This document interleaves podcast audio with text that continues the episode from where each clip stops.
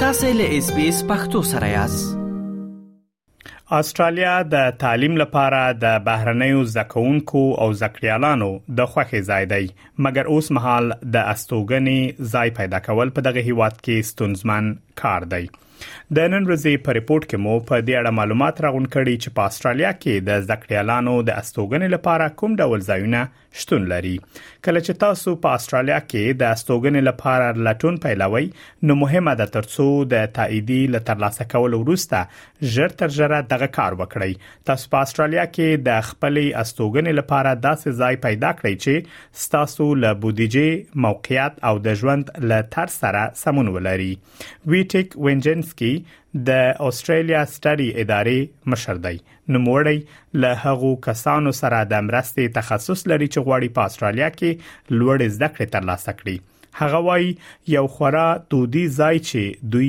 زده کړیالانو ته د استوګنې لپاره وړاندیز کوي هغه په یو کور کې ژوند کول دي ترڅو له یوې استرالیایي کورنۍ سره یو زده کړیال ژوند وکړي One very traditional, typical accommodation we offer for students is a homestay where the students are living with Australian family. in board with the food or just the room. So uh, often it's taken by the students who want to experience Australian culture as well students who are a bit younger and don't have experience in living independently. The um, average price for the homestay is around $350 per week. د دې ترڅنګ اوس مهال د استوګنې د داسې ځایونو شمیر هم په زیاتېدو دی چې یوازې د زده کړیالانو لپاره دي د استوګنې دغه سه ځایونه د تجارتونو لخوا پر مخ وړل کیږي او د برق، غاز او نور تړلي لګښتونه هم په کرایه کې شامل دي د زده کړیالانو لپاره د استوګنې دغه ودانۍ ډیری تعلیمي مرکزونو سره نږدې موقعیت لري ترڅو زده کړیالان په اسانۍ سره زده کړو ته ولاړ شي خغلی وینجنسکی وای دا اوس ډیر مشهور دي د دوه اوتاق لپاره قیمت د 280 تر 300 ډالر او د یو اوتاق لپاره قیمت 350 ډالر ده Now they're organized. We have the companies who work this properly.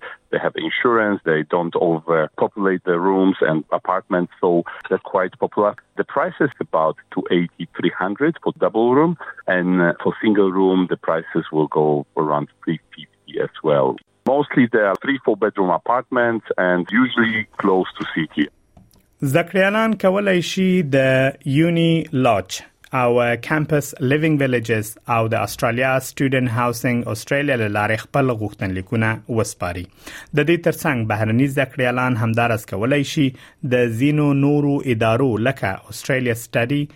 له لارې د استوګنې د غوځایونو ته خپل غوښتنلیکونه وسپاري یو ځل چې زده کړیالان په استرالیا کې ځای پر ځای شي له هغه وروسته بیا کولای شي له نورو سره شریکي کور په کرایه ونیسي خغلی وینجسکی وای شریک کور هم د زکړیالانو کولای شي د ځنګړې وپاڼې لاره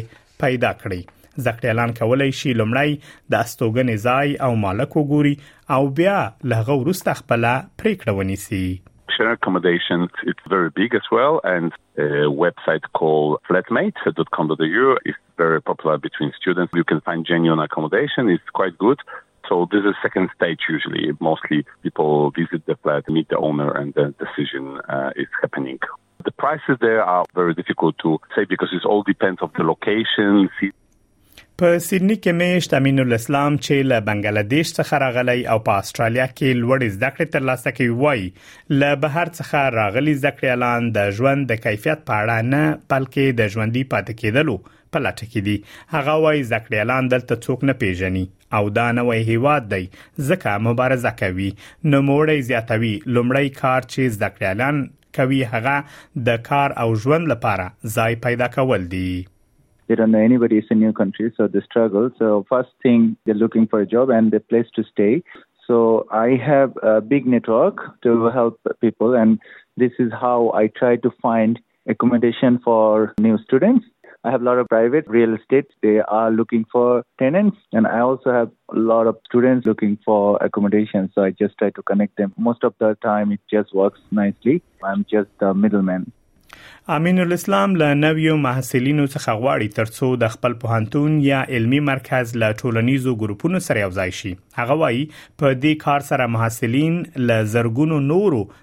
زکړیالانو سره تړل کیږي My suggestion is the new students definitely, definitely need to join to their social group of their university or their college.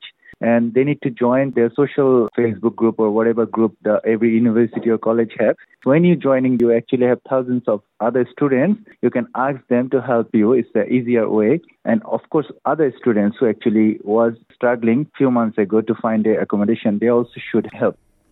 د بهرنیو محصلینو لپاره یو لوی ستونزه د ژبې ستونزه ده هغه وایي په پوهنتونونو کې د خبرتیاو یو تخته شتون لري نوی محصلین کولای شي هلته په خپل ژبه ولیکي چې زه مرسته ته اړتیا لرم نو داسې څوک به ورسره مرسته وکړي چې د دوی په ژبه خبرې کوي If you are new, just come to university. First thing, there is a notice board. Go and write in your own language. I'm new here and it helps. Anybody gonna pass through and if they see their own language in the board, we usually read it. We just try to find out what's happening. Community people, they love to go and check in their community group because they can read in their own language. So it is our duty to reach all those little, little community groups.